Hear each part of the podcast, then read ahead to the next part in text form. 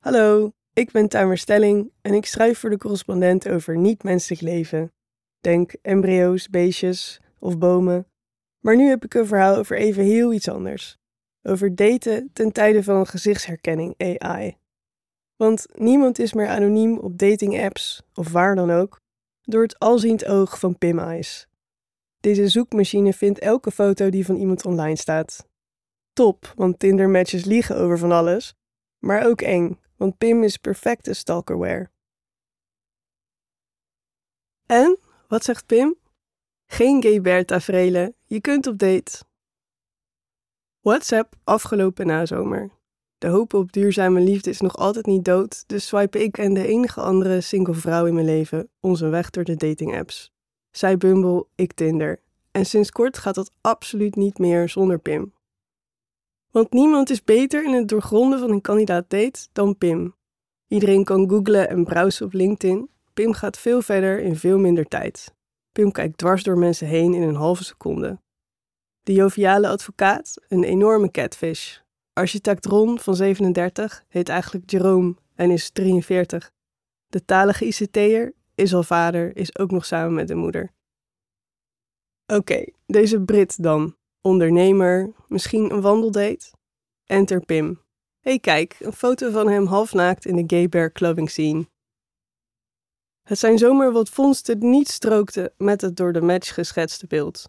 Zo scheelt Pim tijd en hartzeer. En ook jij kan deze held introduceren aan je datingbestaan, want Pim, of eigenlijk Pim Eyes, is een zoekmachine. Pim is een soort Google voor gezichten. In plaats van zoektermen voer je op pimeyes.com portretten in en Pim zoekt het hele internet af naar alle foto's waar diegene op staat. Zelfs met één portret vind je vaak verbazingwekkend veel. En wat blijkt dan? Haast iedereen stond wel eens op een feestje, haalde ergens een rijbewijs, ging op ballonvaart, naar een bedrijfsborrel, exorbitant huwelijk, symposium, you name it. En dan zat je in het publiek op de twaalfde rij, Pim heeft je in het snotje.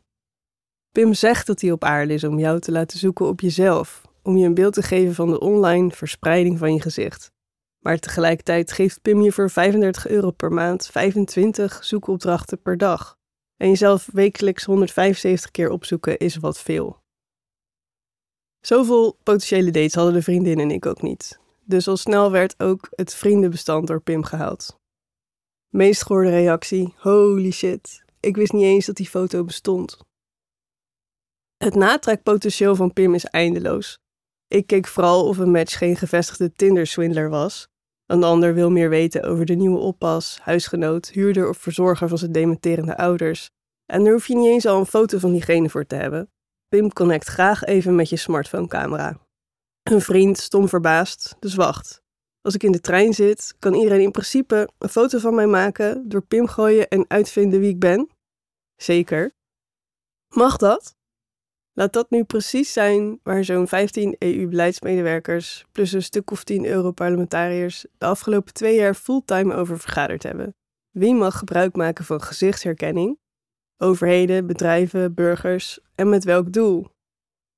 In december bereikte de EU hier een akkoord over met de zogenaamde AI Act, de eerste verordening in zijn soort die de enorme vermogens, waaronder dus de zoekvermogens, van kunstmatige intelligentie hoopt te reguleren. Maar wat betreft gezichtsherkenning leunt die AI Act zwaar op een eerder stukje wetgeving, de Algemene Verordening Gegevensbescherming, oftewel AVG. Waarover later meer.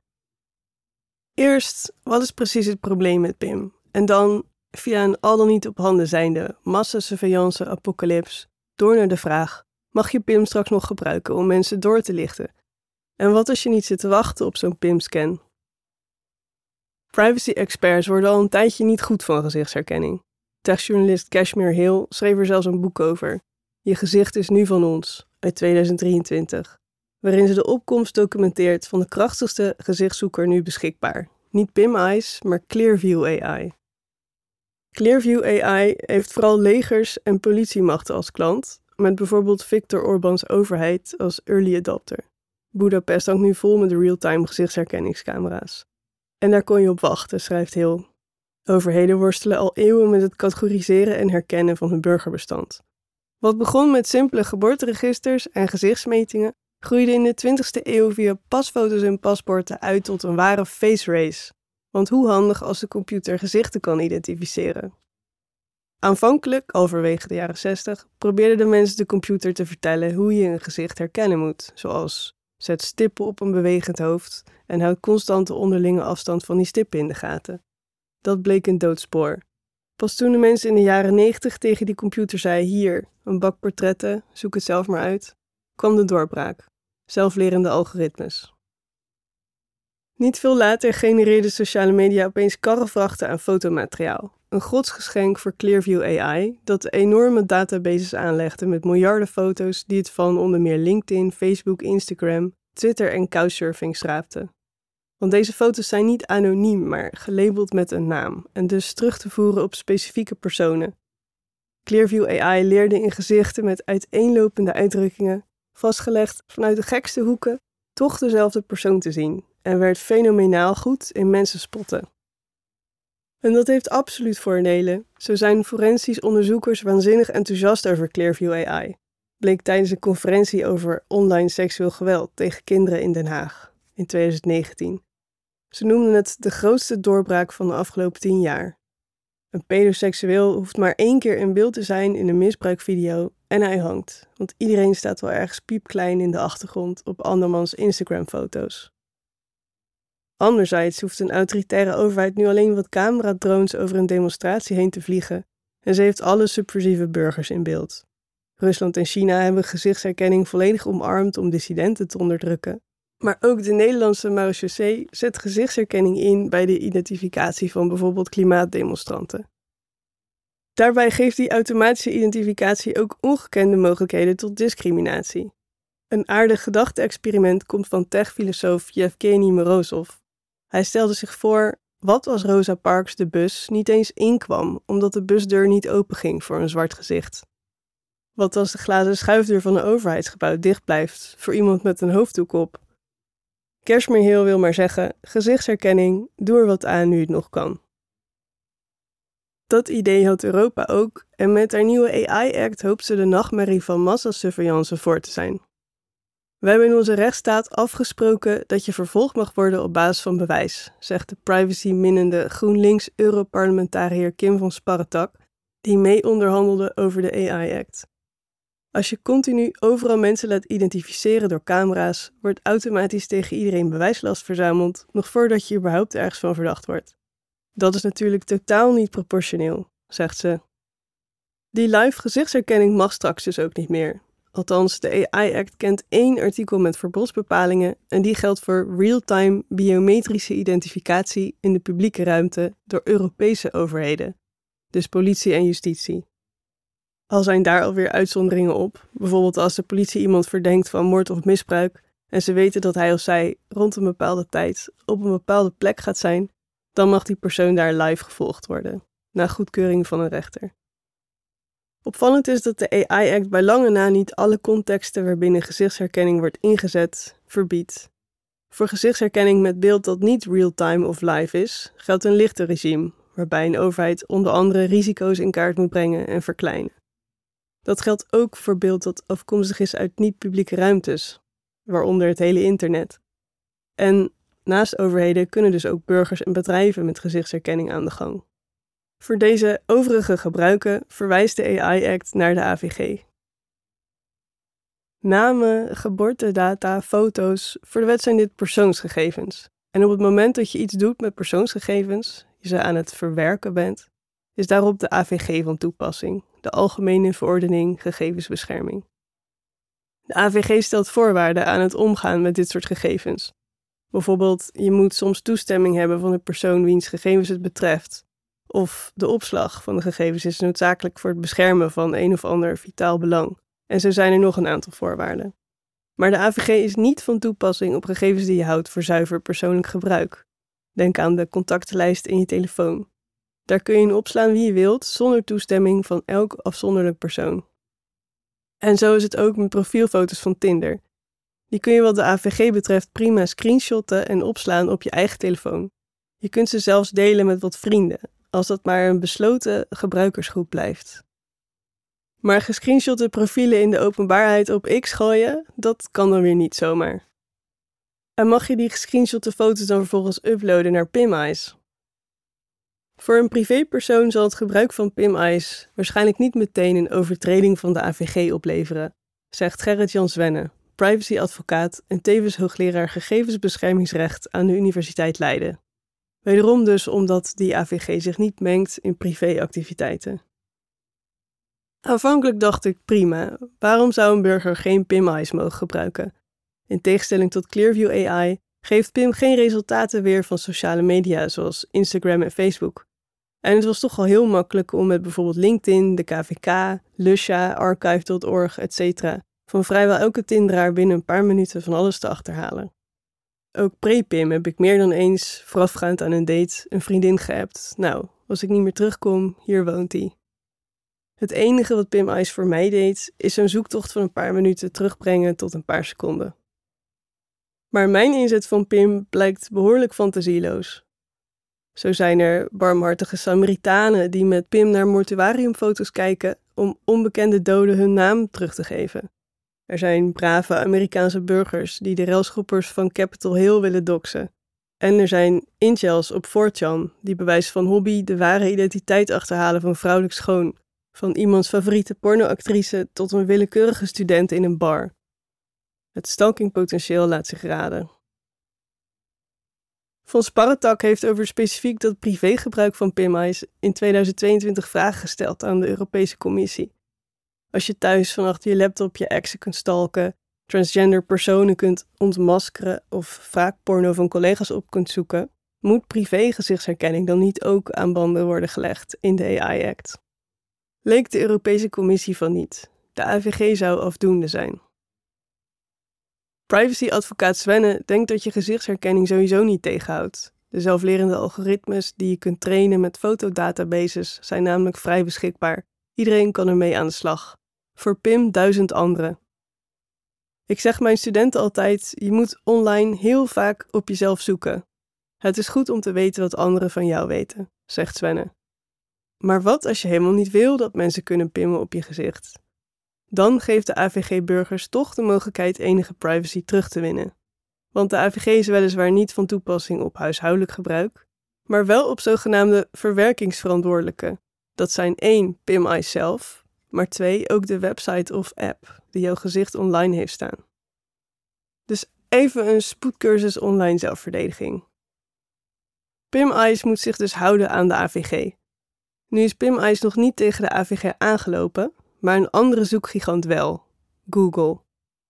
De Europese rechter heeft al in 2014 uitgemaakt dat wat Google doet valt onder het verwerken van persoonsgegevens, vertelt Svenne. Want wat doet Google? Google indexeert het internet en stelt op verzoek zoekresultaten beschikbaar in een door Google bepaalde volgorde. Als daar persoonsgegevens tussen zitten, wordt dat simpelweg gezien als een verwerking van persoonsgegevens. Voor PIMICE is dat niet fundamenteel anders, zegt Svenne. En de AVG verbiedt dit niet. Svenne vervolgt: Als je dit type verwerkingen op voorhand gaat verbieden, dan zijn we gewoon klaar. Dan heb je geen zoekmachines meer. Maar de AVG geeft je wel wat instrumenten om daar controle over uit te oefenen. Zo heb je op grond van artikel 17 bijvoorbeeld het recht om vergeten te worden, het wissingsrecht. Als iemand een vergeetverzoek indient, bijvoorbeeld bij Google en PimEyes, dan moeten zij daar binnen een maand aan voldoen en jouw materiaal permanent schrappen uit hun zoekresultaten. Dit proces moet bovendien geheel gratis zijn. Zo'n verzoek moet je vaak wel motiveren. Svenne legt uit: als jij zegt, deze foto is helemaal niet relevant, is niet nodig, brokkent mij onnodige schade, er is geen maatschappelijk voordeel, er is geen issue van informatievrijheid, ik ben geen publieke persoon, dan maak je goede kans om het beeld verwijderd te krijgen. Maar Mark Rutte, Geert Wilders of Gerard Joling hoeven niet bij Google aan te komen. Svenne, dan heb je zelf de publiciteit gezocht en bovendien kan het zijn dat je onderwerp bent van een maatschappelijk debat. Google heeft dit proces volledig geautomatiseerd sinds het het Hof van Justitie over zich heen kreeg. Dat kwam ze tot nu toe op ruim een miljoen Europese vergeetverzoeken te staan.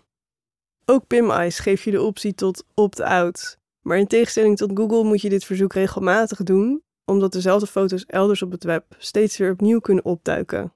Best wel gedoe.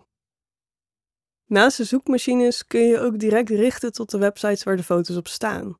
Op grond van artikel 15 heb je het recht om bij een verwerkingsverantwoordelijke, dus Partyvlog, je werkgever of welke instantie dan ook, op te vragen welke gegevens heb je van mij, om vervolgens op grond van artikel 21 te zeggen met wat motivatie: ik wil dat je die gegevens verwijdert. En wat als je eerder toestemming gaf voor de publicatie van film of foto? Dan zegt de AVG: het intrekken van toestemming moet even makkelijk zijn als het geven van toestemming. Gewapend met deze kennis haalde ik mezelf door Pim Ice. Tientallen hits. Zo vond ik mezelf terug in de zaal van een kwalcongres in Barcelona in 2016. En in 2018 was ik blijkbaar op een Haags filmfestival van Balkan Producties. Al zaten er geen shocking resultaten bij, er zijn ook mensen die porno vinden met zichzelf. Het hoeft van mij gewoon niet, al die foto's online. Dus mailde ik verwijderingsverzoeken naar 20 webmasters. Enkele gaven me meteen mijn zin, van anderen heb ik nog altijd niks gehoord. Reacties liepen uiteen van verbaasd naar nieuwsgierig tot geïrriteerd, alsof mij een dienst moest worden bewezen die geen prioriteit heeft en waar eigenlijk geen tijd voor is. Het slagen van een verzoek lijkt dus af te hangen van goodwill. Maar wat te doen als iemand gewoon niet meewerkt? Zoals de politie de handhaver is van het wetboek van strafrecht, zo is de autoriteit persoonsgegevens, of AP, de handhaver van de AVG. En ieder EU-land mag zelf weten wie de nieuwe AI-act gaat handhaven, maar Nederland wil de AP in ieder geval ook als algoritmewaakhond.